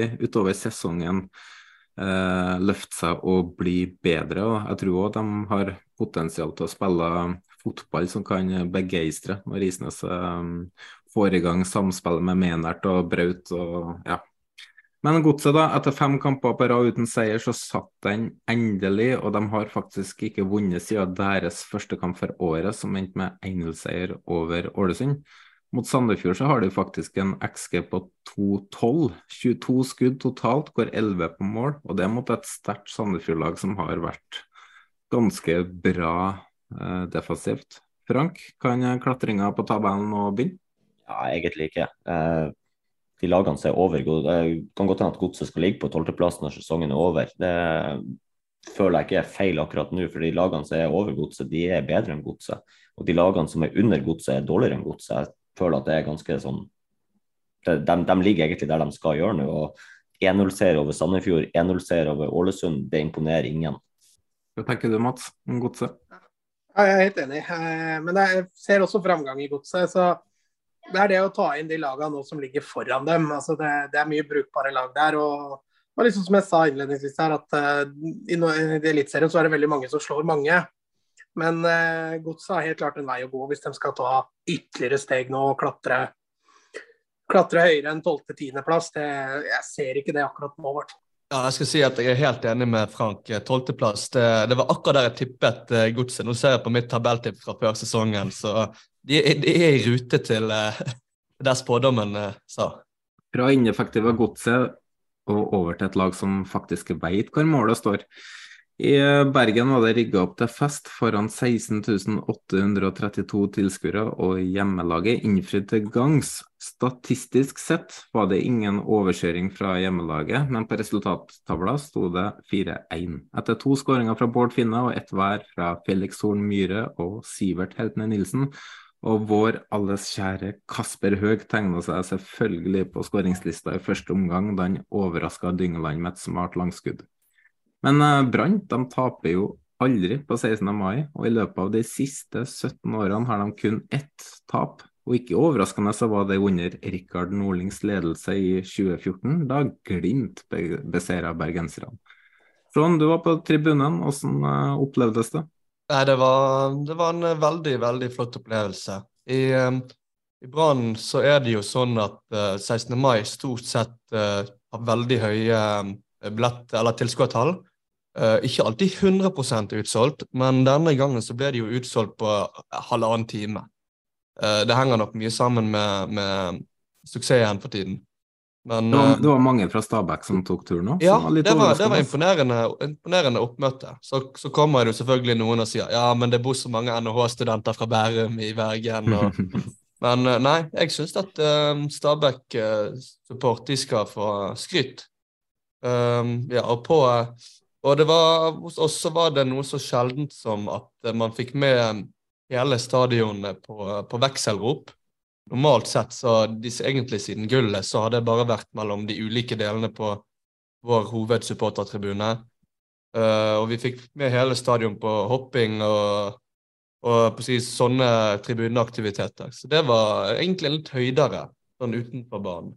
Men på banen, så jo da, statistisk sett så var ikke dette her en uh, overkjøring. Men jeg føler at det blir litt sånn regression to the mean med, med tanke på f.eks. den Sandefjord-kampen der uh, Brann hadde absolutt burde vunnet, og at man kanskje kunne fått mer ut av den uh, kampen mot Sarpsborg. Så, men, men, at det var en fortjent seier sånn isolert sett, det vil jeg, uh, det vil jeg si. Og den, den avslutningen til Høeg, den var virkelig klasse. Den, uh, den så jeg utenfor mål et sekund før ball trillet i mål, men det, var, det, er smart, det, er smart, gjort altså, skyte en keeper altså, Ingen keepere forventer at han skyter der. Nei, det så ut som han hadde retning utenpå mål i starten, og alle spurte seg sjøl hva skjedde nå, hvordan gikk den i mål? Ja, altså XG-en var jo faktisk bare på 0,63 mot 0,27 der, og 4-2 i skudd på mål. Var det litt sånn at alle, alt bare gikk i mål? Ja, det var, det var høy, høy, effektivitet. Altså sånn som så den uh, frisparkskåringen. Frispark uh, fra den instansen har jo ikke noe høy XG. Det var jo en stor prestasjon, prestasjon i seg sjøl. Og så har man den første skåringen til Finne. Jeg la ut et bilde på, på nettet i går der han står med feilvendt med fem Stabæk-spillere i ryggen. Så likevel klarer han å vende opp og, og skåre. Ja, altså, det var ikke akkurat uh, høy XG på, på, noen av de målene, men uh, men, men det var Summa summarum så var det en klar fortjent seier. Det var kampene i 16. mai-runden, så nå må vi over eh, til å se på runden i sin helhet. Og vi starter da med rundens øyeblikk. Mats, rundens øyeblikk for deg? Ja, altså jeg må jo si play of the day var vel Moen Foss sin uh, redning på streken der med hodet hvor han uh, hvor han går ned og blokker. Veldig fascinerende. Selv om, selv om jeg tror mange, når du er på vei ned der, så vil man tenke kanskje likt. Men, men det er veldig sjelden man ser sånt i fotball. og og for en Sandefjord-supporter så må det vel være ekstra, ekstra, kult å se en spiller ofre seg sånn for laget sitt. Ordentlig Phil Jones-øyeblikk der også. Mm. Mm. Sean? Jeg, jeg, må jo være såpass subjektiv og si at uh, det må være frisparkskåringen uh, til Bård Finne som, uh, som blir rundens øyeblikk for meg. Brann har ikke akkurat tatt for vane å skåre på mange frispark den siste tiden. Så den var deilig. Frank? Nei, eh, her er det jo eh, Molde-hatet mitt som kommer frem, men rundens øyeblikk er når Ålesund endelig skårer mål. Og så er det jo så godt å tenke at det gjør at 17. Eh, mai-feiringa i Molde bare går att skogen. Så rundens øyeblikk er Ålesund som skårer. Jeg har òg Moses som setter inn 1-0. Gleden og lettelsen i feiringa der, det var, det var, litt å ta og føle på. Eh, Mats, rundens pluss? Ja, altså, jeg må jo si at snuoperasjonen til Viking eh, skiller seg litt ut. Eh, det er klart de får litt dommerhjelp, sånn sett, men, men å snu, skåre tre mål på Odd i, i løpet av én omgang, det, det, er ganske sterkt. og Odd Grenland har vært gode defensivt i år, så jeg heller fram Viking. Uh, der vil jeg trekke frem uh, Ålesund. Uh, måten de klarer å endelig få seg ikke bare en skåring, men til og med tre, og endelig en seier mot, mot rivalen. Eh, min pluss er publikumsfesten på egentlig sju av åtte arenaer. Så hylles til eh, både klubber som fyller stadionene sine, og tilreisende bortefølge flere plasser i landet. Det er nydelig å se fullsatte arenaer overalt. Jeg har bannere til Tromsø. Altså, det er humor når de drar opp ultras, eller hva det sto. Ja, det der er vel en, eh, et stikk til han eh, Nordland Ultra, som eh, er, er gått et bilde på sosiale medier med han i en Rosenborg-drakt. Så det er vel en drakt han egentlig har fått av Trond Olsen, og så signert av hele laget fra da han Olsen var i Rosenborg. Så han har vel den drakta. Så det er et bilde som er lekka av han i den drakta. da. Det er litt artig at én supporter drar sørger for en hel TIFO. Det er, det, det er god humor. Uh, jeg har screena bare det at uh, Tromsø-supporterne holder oppe Rosenborg-logoen. Jeg skal bruke den som banter mot dem senere, så ja. Det er sånn, det er backfire så det synger, altså. Det er det. det er, de prøver liksom på et stikk, men sender det opp med å stikke med mot de sjøl. Mm. Men jeg, jeg, var jo i Bodø forrige helg, og det var så jævla mange som kom bort til meg og skulle si at jeg har alltid likt Rosenborg. Det har alltid vært en favorittklubb for meg når Glimt ikke var topplag, så det er noe i det også. Det, er veldig, altså det har alltid vært Lyg som nesa blir lang. det har alltid vært tette bånd mellom Glimt og Rosenborg, men uh, nå hater jeg dere. Mats, rundens minus? Ja, to sek, jeg glemte å myte der. Eh, nei, altså Minuset går faktisk til meg sjøl, fordi jeg bytta ut Felix Horn Myhre med Sivert Mannsverk på Fantasy, og det er kanskje noe av det dummeste jeg har gjort. Så jeg, jeg tar den på egen kappe. Eh, fryktelig dårlig valg når man ser hva som skjedde den runden. Det var flere som uh, gjorde det faktisk på Twitter. Jeg så det. Tom? Uh, først må jeg bare si at uh, jeg står last og brast til Felix Horn Myhre. Altså, han, han er så god og undervurdert. Det snakkes for lite om han. Men minus, ja. Da eh, vil jeg til Intility, og selvfølgelig til uh, den luringen som kastet bluss på banen. Det er det definitive minuset for meg denne runden. Eh, mitt minus Jeg kan starte med å si noe positivt. Det er oppbygginga TV 2 og rettighetshavere har hatt til denne runden. De har virkelig trykka på for å skape interesse. Minuset mitt er det at de setter rett og slett på spoleknappen fremover når det er fotballkveld, eh, det er en sending som ikke er verdig, rett og slett. De skummer gjennom, og egentlig ser det ut som at de bare vil bli ferdig med dagen, i stedet for å gi oss uh, avslutninga på festen, rett og slett. Så minuset er fotballkveld. Jeg er helt enig. Det er, det er, men sånn har det vært hele alle rundene. Det er nesten slitsomt å sitte og se på fotballkveld. For de spoler gjennom alt som er av kamper, og det, det er faktisk litt slitsomt. Jeg fikk jo testa meg sjøl nå, da, for i alle andre runder så har jeg sittet og sett uh, Rosenborg-kamp og har hatt fotballrunden på uh, underveis. Uh, og uh, nå så fikk ikke jeg sett det direkte, så når jeg kom hjem, så skulle jeg se på Fotballkveld for å få mest mulig inntrykk til denne episoden her. Satt igjen med null. Mm. Og ingenting. Ikke noen reaksjoner, ikke noe inntrykk av hvordan kampbildet var. Var det en heldig seier? Var det det, det, var ingenting. Du tok jo ikke med den blusskastinga til, til Kamma-fansen engang, så det, det er stryk. Sånn. Ja, altså nå når uh når hovedkampen, eller egentlig hele søndagsrunden, er flyttet en time frem i tid, uh, altså klokken 17 og 19.15, så, uh, så, har man jo flere timer på kvelden òg til å faktisk lage et godt program. Så jeg syns egentlig hovedproblemet er at programmet er for kort. Um, de burde gjerne Ja da, selvfølgelig så er det søndagstillegg og kvelds og bemanning og sånne ting, sånn folk skal på fly hjem igjen. Og, men, men uh, hvis man skal lage et godt og fullverdig program som kommer eh, TV-seeren eh, eh, til, til, det gode, så burde man hatt et program som varte litt lenger på kvelden. Så da tror jeg jeg hadde fått bedre reaksjoner på det òg. Mm. Vi skal videre til rundens lag. Frank, ta oss gjennom det laget vi foreløpig har kommet fram til. Eh, ja, uh, skal vi se elveren. Da har vi Grytebust i mål. Eh, Utvik, Fallmann og Brekalo som stoppere. Vilsvik og Soltvedt som wingbacker. Heltene Nilsen og Bjørdal på uh, midtbanen. Erlien som spiller bak spissene, og Pemi og Finne på topp.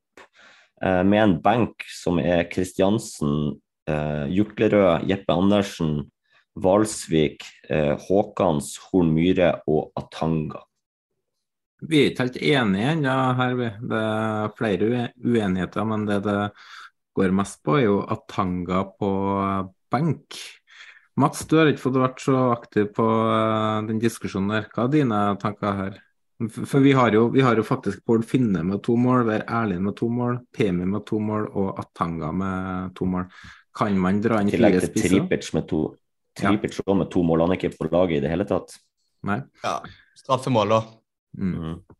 Altså For meg så, så er, har, har, vi landa på riktig. Eh, Atanga for all del, eh, helt avgjørende i en, i en, viktig kamp, og det, det burde telle en god del. Men eh, først og fremst toneangivende eh, etter pause. Eh, og hvis ikke jeg husker riktig, så ble det bytta ganske tidlig ut også. Begge måla til Bård Finne er jo hakket vanskeligere enn det Atanga gjør. Og, og Erlind også mot topplag Bodø Nei, jeg syns landet har riktig.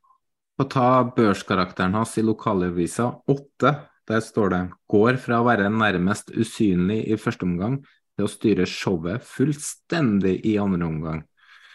Men uh, ut etter 67. ja, lo godt når jeg så den der. ja. skulle, skulle holdt seg på banen i to minutter til, i hvert fall. Ja. ja. Ja, da hadde den vært, uh, vært, tre stjerner. Jeg er litt enig i at vi landa på riktig. For uh, Frank, du var jo veldig forkjemper på at Erlien skulle inn på laget, du som så kampen. Ja, det, Erlien gjør en enorm kamp for Tromsø. Eh, virkelig tatt steget opp fra Obos-ligaen i fjor og visst at eh, han er klassesignering for Tromsø. Eh, deres klart viktigste offensive spiller. Tromsø har skåra fire mål på hjemmebane hittil i år. Han har skåra alle fire. Eh, nei, eh, jeg sa det at det er to spillere som, fra den kampen der som må på laget, og det er Erlien og det er Faris Pemi. Og så hadde jeg egentlig lyst til å kjempe inn han Patrick Berg, og om ikke i elver, så i hvert fall på benk. Og det ser jeg at dere landa på at han skulle ikke gjøres. Nei, for det spørsmålet er jo hvem som skal ut. Det er der utfordringa er. da. For i motsetning til runde to, der vi sleit med å fylle opp eh, troppen, så har vi jo, kunne vi ha tatt med 25 mann til troppen her. Så hvem skal ut fra benken i så fall? Det er det som vi ikke fant ut i går, i hvert fall. Ja, det viser jo at det er mye kvalitet i de ulike lagene. da, Når vi mm. sliter med å sette opp 18 eh, mann som uh, skal utgjøre uh, rundens lag. da. Det var jo litt samme utfordring forrige runde, og jeg måtte jo bare legge på fem sånne mentions som ikke ble med. da. Så det er mange, mange spillere som leverer godt for tida. Det er høy kvalitet på mange av kampene, og så er det jo dessverre noen sånn 1-0-kamper som Rosenborg-Haugesund som også kommer. da, så så sier jo Mats at Bonsu Ba var jo enorm i kampen, og heller ikke han får plass i troppen. Tripic med to mål og flere gode innlegg, heller ikke med i troppen. Så uh, ja. Da lander vi på laget her, eller er det uenighet her nå?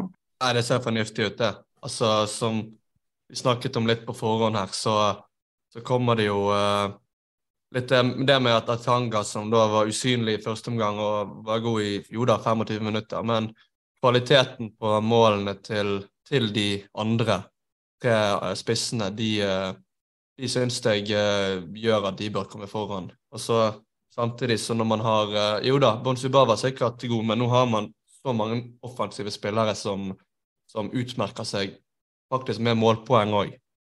Da, da, jo da, i en annen runde så kanskje han ville kommet med med det bidraget han hadde. Men uh, når, uh, når, det som, når, det er så store offensive kvaliteter på mange enkeltspillere, så må man utelate noen. Stjerna, Frank. Hvem har de gått til? Vi landa på tre stjerner på PMI, to stjerner på Soltvedt og én stjerne på Bård Finne. Og en spiller som virkelig viser kvaliteten sin nå, er jo Soltvedt, som eh, Sean toucha litt på i stad. Eh, kommet seg fra Bergen til Sarpsborg, og ja, han er veldig god i det laget der. Det var runden som har eh, vært.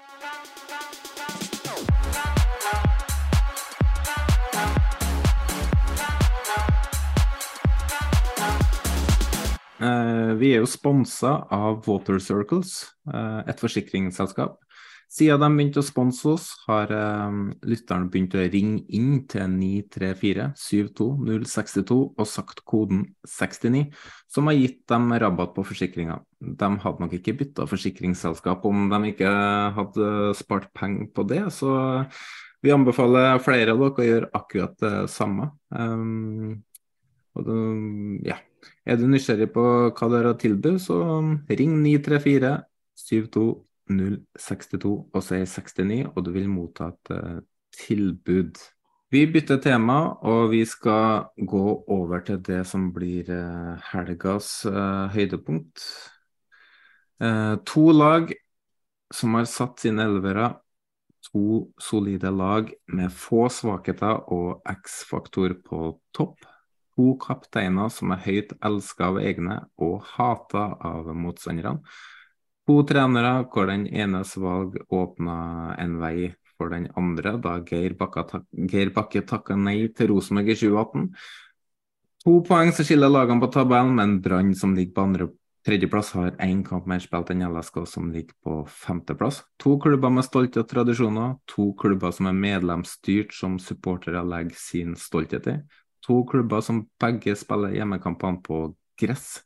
To store klubber i norsk sammenheng som eh, begge har vært ned i Obos i nyere tid.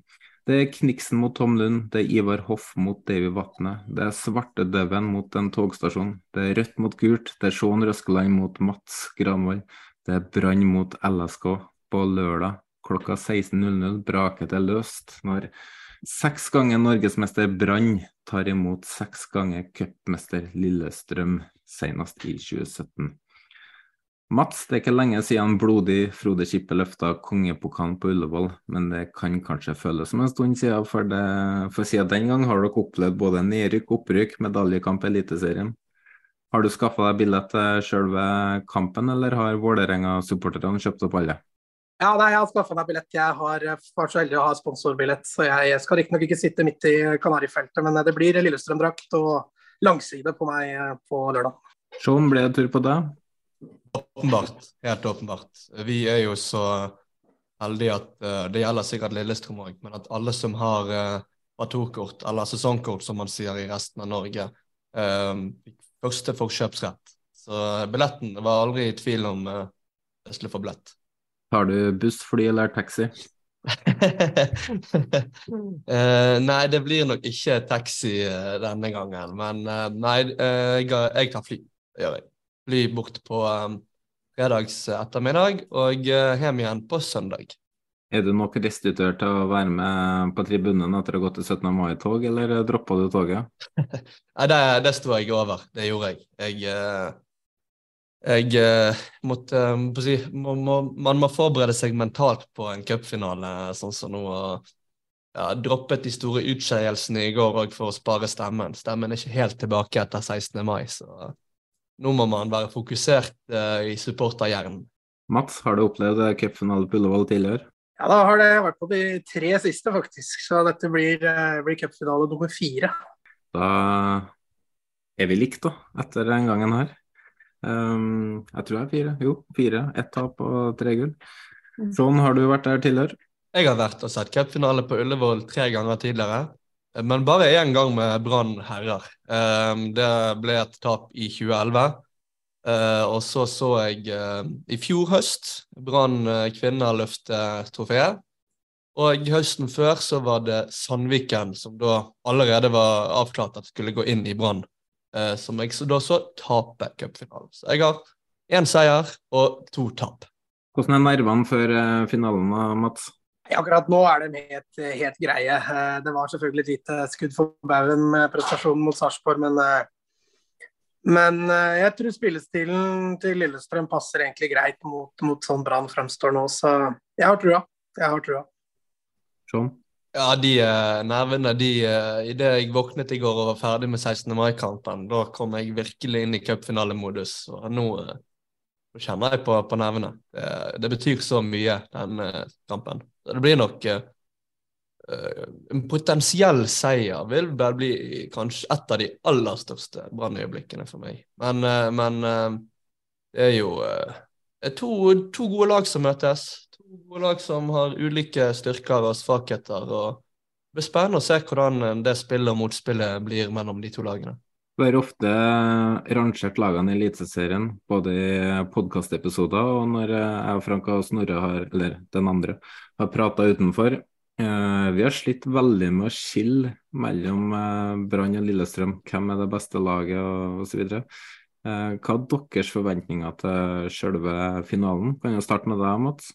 Nei, altså Sånn Brann har fremstått i år, så, så vil jeg anta at de, de, kommer til å styre mer enn Lillestrøm. Eh, Brann ligner jo litt på Bodø-Glimt i form av spillestil. Har, en intens, har et intenst høyt press, relativt direkte når de kommer høyt i banen men samtidig flinke til å etablere. Så jeg tipper at Brann kommer til å styre mm, en del. Og så må Lillestrøm være flinke i, i kontringene og, og, gode når de skal slå innleggene sine. For det eh, Jeg holder i utgangspunktet Brann som en knapp favoritt, men samtidig har jeg ganske trua på at Lillestrøm kan, kan stå ganske bra til Brann.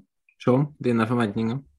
Jeg eh, Mye av det samme, egentlig. Jeg eh, tror òg at Brann kommer til å ha mest ball. og uh, Lillestrøm eh, kanskje ser litt på sånn som, uh, sånn som Sandefjord gjorde det. Altså, Lillestrøm har jo et veldig godt kontringslag. Så hvis Brann Nå så jeg at uh, Jeff Seri Larsen ble hvilt på trening i dag. Um, og da, da, er det i så fall Pallesen inn. Så jeg er litt sånn i tvil på, på tempoet hans. Men samtidig så vil jo han være en veldig viktig uh, dødballspiller hvis han får spille. Så, men jeg tror jo Jeff spiller hvis han, uh, hvis han er frisk, da. Uh, men uh, Brann må vokte seg veldig for dødballene til Lillestrøm. Uh, Brann eh, slapp inn to mål på etter innlegg mot Sarpsborg. Og uh, ja, det blir Hvis Brann klarer å demme opp for kontringene og dødballene, så tror jeg vi kan ha en god sjanse. Men hvis Brann tror jeg Det må være noen C-momenter, enten en sånn rapp avslutning fra finnene, eller at plutselig Niklas Jensen Vassberg eller hun Myhre plutselig får sånn skikkelig tunnelsyn og bare krokler seg forbi et par forsvarsspillere inne i boksen. Jeg tror det, det blir tøft og jevnt. Eh, Brann er jo, hvis, hvis, jeg tar sammenligning til Glimt, da, Brann er jo det laget i Norge som er mest lik Glimt i spillestil.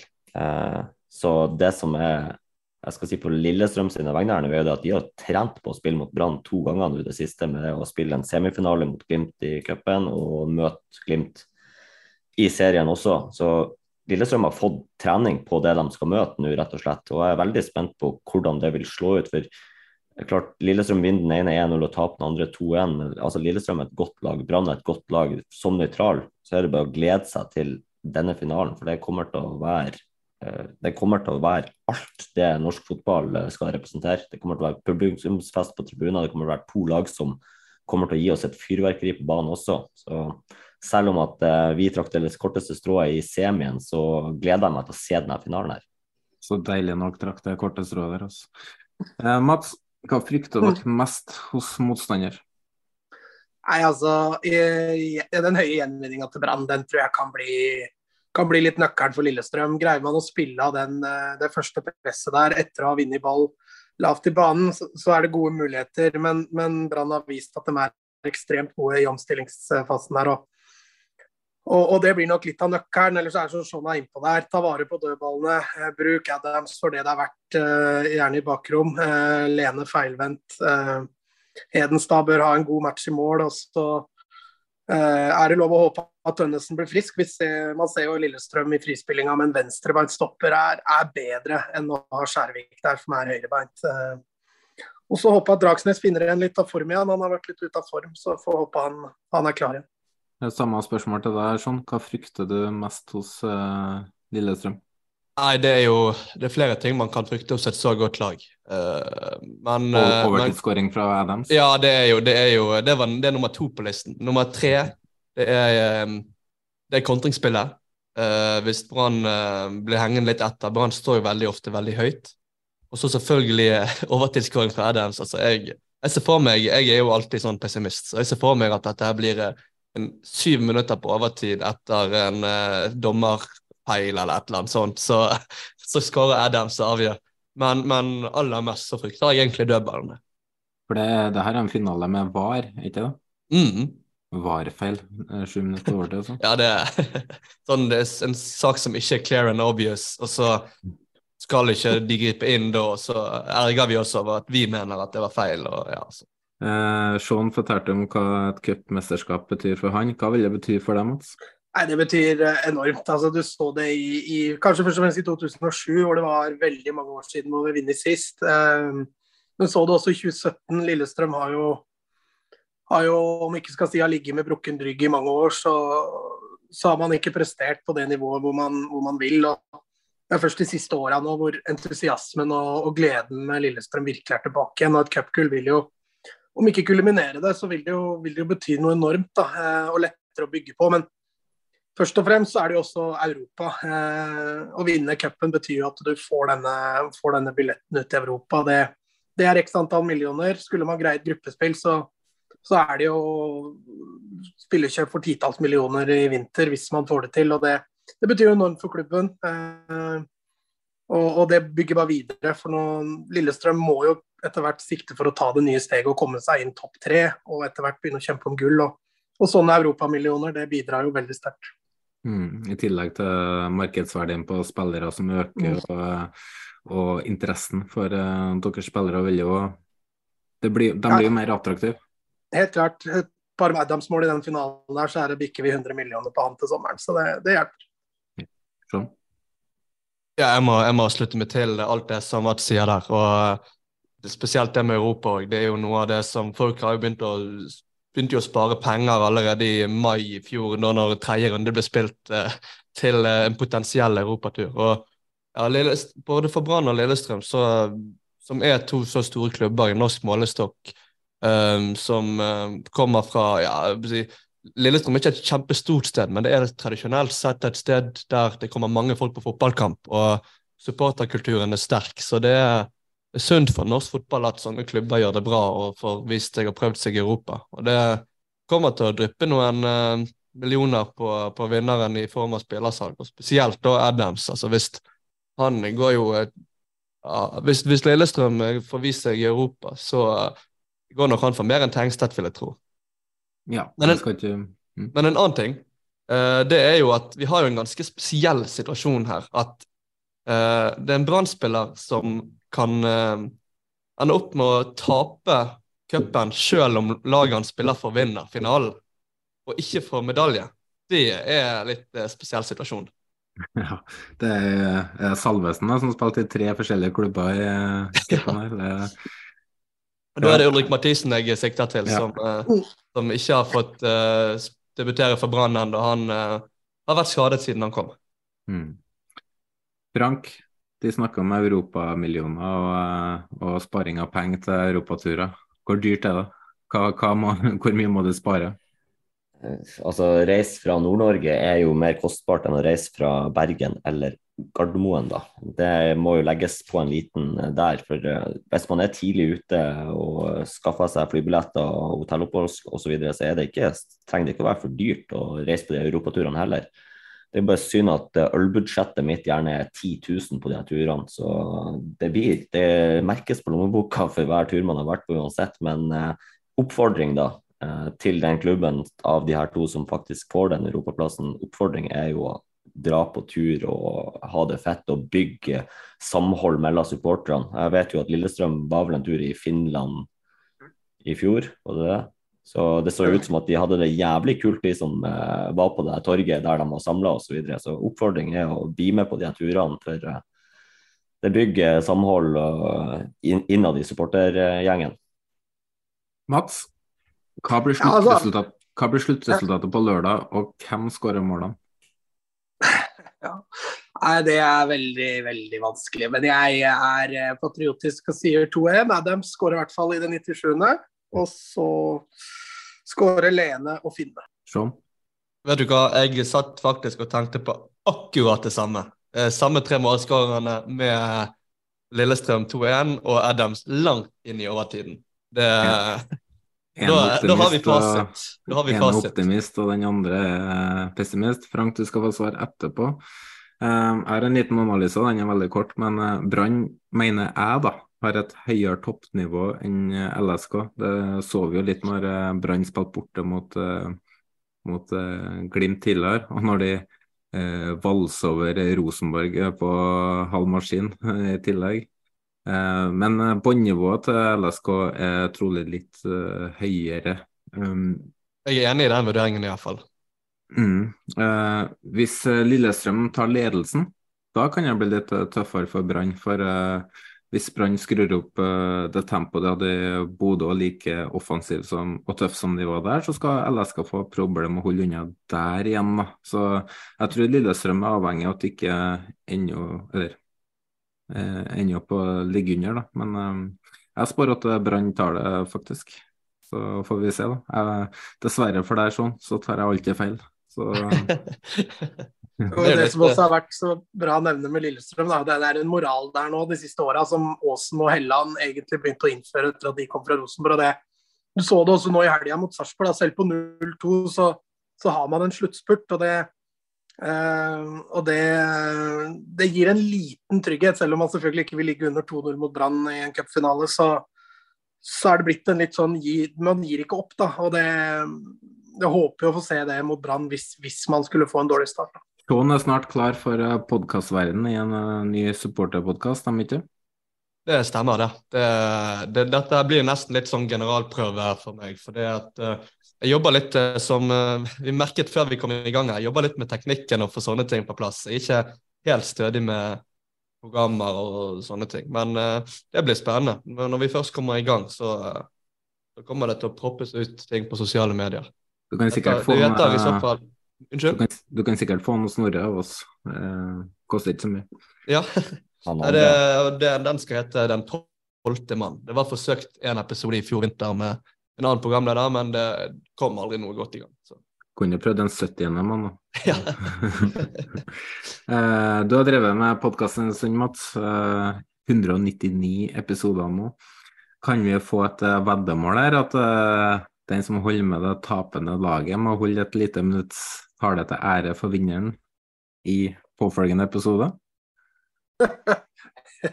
altså ære i form av å hylle Brann eller sånn, eller hva tenker du da? Ja, begge deler, kanskje. ja. Nei, det er ikke noe problem. Jeg eier ikke skrupler, så det, det går fint. ja, såpass, raus, såpass raus må man kunne være. Ja, ja. Da, har vi, da har vi en uh, avtale der. Um, det har vært, hvis ikke jeg talt feil, her, 87 oppgjør mellom eh, lagene. De møttes for første gang i seriepremieren i 1954, hvor Lillestrøm vant hele 6-2. Siden 2009 i NM og i serien så har Brann vunnet 10, LSK 8 og 5 har endt uavgjort. Så er det en liten quiz av dere. Uh, du kan jo svare først, Mats.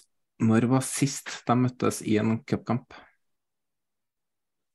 Åh. Uh, jeg husker jo den famøse cupkampen i var det 95, men de kan vel ha møttes etter det. Nei, jeg tipper det må ha vært 5-96. Skal du bare ha et år, eller? Ja, hold med år. Ja, da sier jeg 96. Har du et svar, Sean? 2018. Det er korrekt. Det var den perioden der uh, Brann uh, en veldig god stund så ut til å ta en Bodø-Glimt uh, 2020. Um, og uh, Brann var i en veldig god flyt uh, da Lillestrøm knuste Brann 4-1. Uh, men så gikk jo det ganske dårlig etter at Sivert Heltne Nilsen forsvant. Så. Nå, nå er du sterk. For, Jeg har gjort litt research, vet du. Da er du favoritt i det neste vi skal gjennom, for det er gitt elver, og det er den eh, kampen. Her har du lav odds. Eh, vi kan starte med deg, da, Mats. Du har ett minutt, og du skal name-droppe flest mulig spillere fra den kampen. Og vi starter nå. Ja, dette er fra 2018, det er den kampen du skal fram til? Ja. Eh, Origi, Kippe eh, Åh, Sto stille allerede. Hæ? Er riktig. Håkenstad. Ja. Raffen. Ja. Uh, Sundgodt. Nei. Nei. Åh, nei, det her blei jo Får så jækla hjernete på, vet du. Uh, Kinn Micaelsen. Ja. Uh,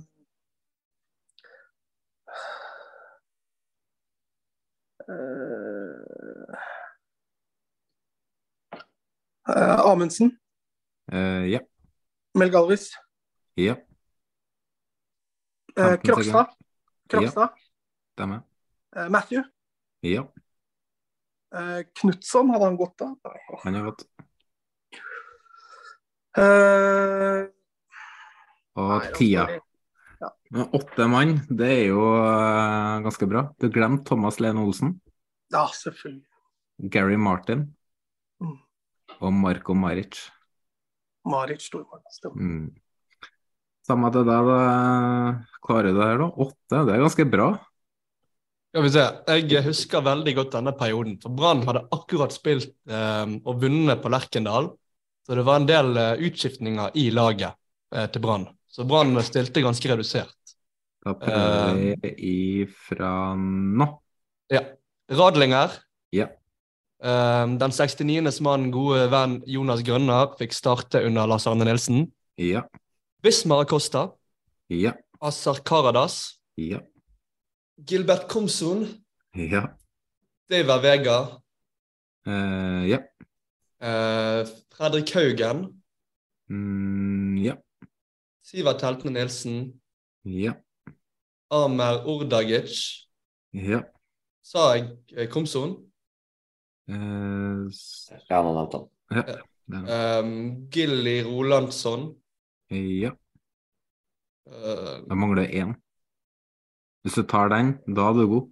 Uh, det var Kan det være Henrik Kjelsrud Johansen? ja. Det var elleve rett ned, da. Jeg ble overraska når jeg så det laget her, for uh, mest overraska at Jonas Grønner starta enn Lars Arne Nilsen. Det...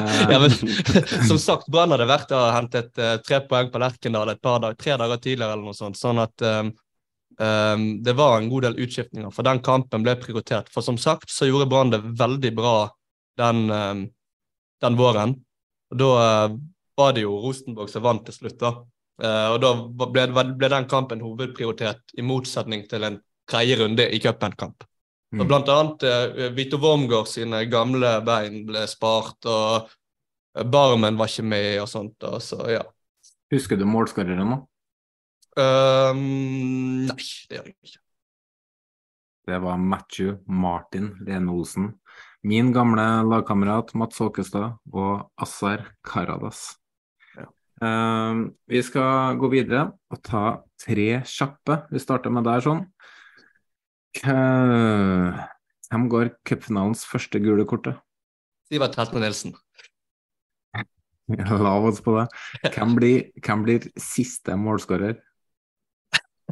Det er selvfølgelig Akor Jerome Adams. Blir det VAR-straffe i cupfinalen? Nei.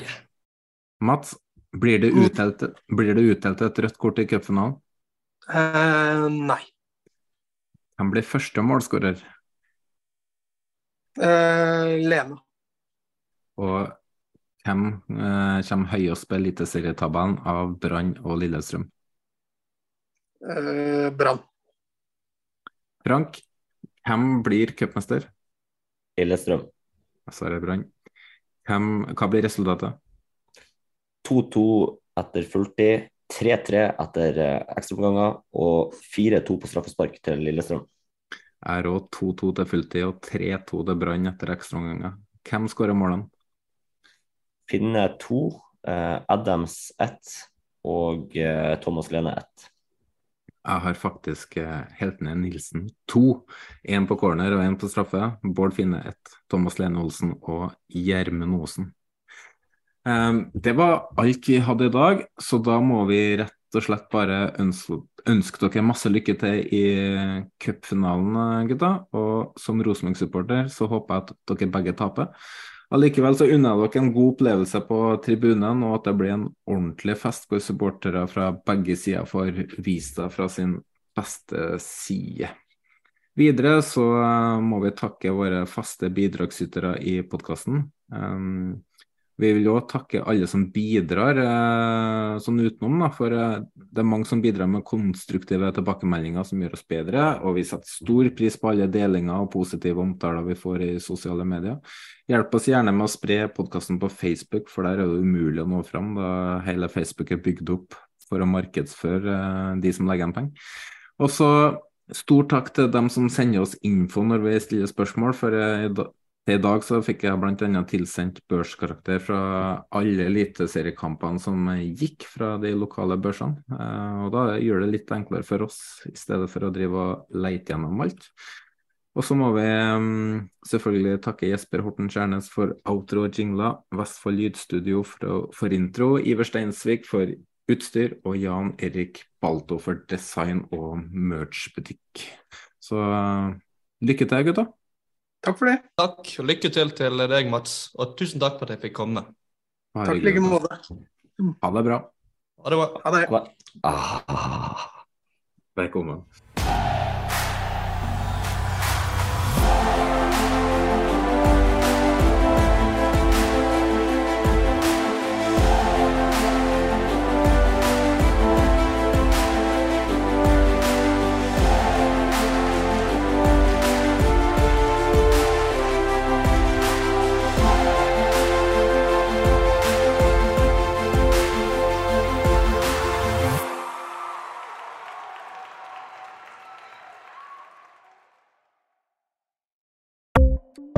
Ukens annonsør er HelloFresh. HelloFresh er verdens ledende matkasseleverandør og kan være redningen i en travel hverdag. Mange av oss har nok vandret i butikken både sultne og uten en plan for middagen, som ender med at vi går for de samme kjedelige rettene gang på gang. Middag burde være dagens høydepunkt. Som HelloFresh kan du nå velge mellom 25 ulike retter hver eneste uke, eller få HelloFresh til å sette sammen menyen for deg. Dette gir deg muligheten til å prøve nye og spennende retter alene eller sammen med familien. Du velger antall porsjoner og får alt levert på døren på et tidspunkt som passer for deg. Oppskriftene er enkle, og maten er lett å lage både for store og for små. Ved å få alt levert hjem får du også mer tid til å dele matgleden med familie og venner. Kanskje det frister med asiatiske tacos eller greskinspirert kylling? Da kan jeg anbefale deg om å gå inn på hellofresh.no. Her kan du bruke koden FOTBALL og få opptil 1779 kroner i rabatt på de første fem matkastene hvis du ikke har prøvd Hello Fresh tidligere. Du kan også bruke rabatten hvis du har vært kunde og stoppet abonnementet ditt for tolv måneder siden eller lengre. Gå inn på hellofresh.no og bruk koden FOTBALL.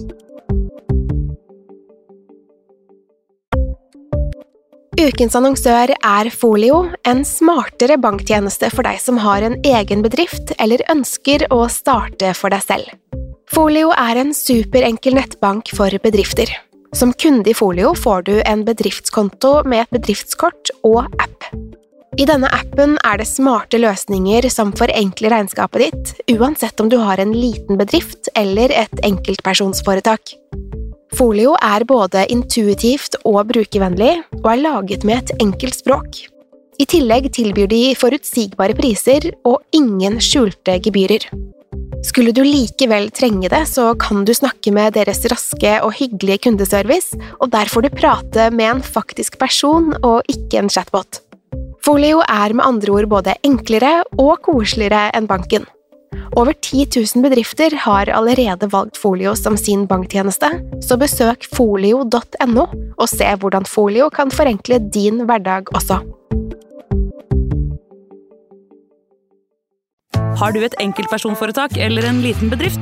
Da er du sikkert lei av å høre meg snakke om hvor enkelt det er med kvitteringer og bilag i fiken, så vi eh, gir oss her, vi. Fordi vi liker enkelt. Fiken superenkelt regnskap.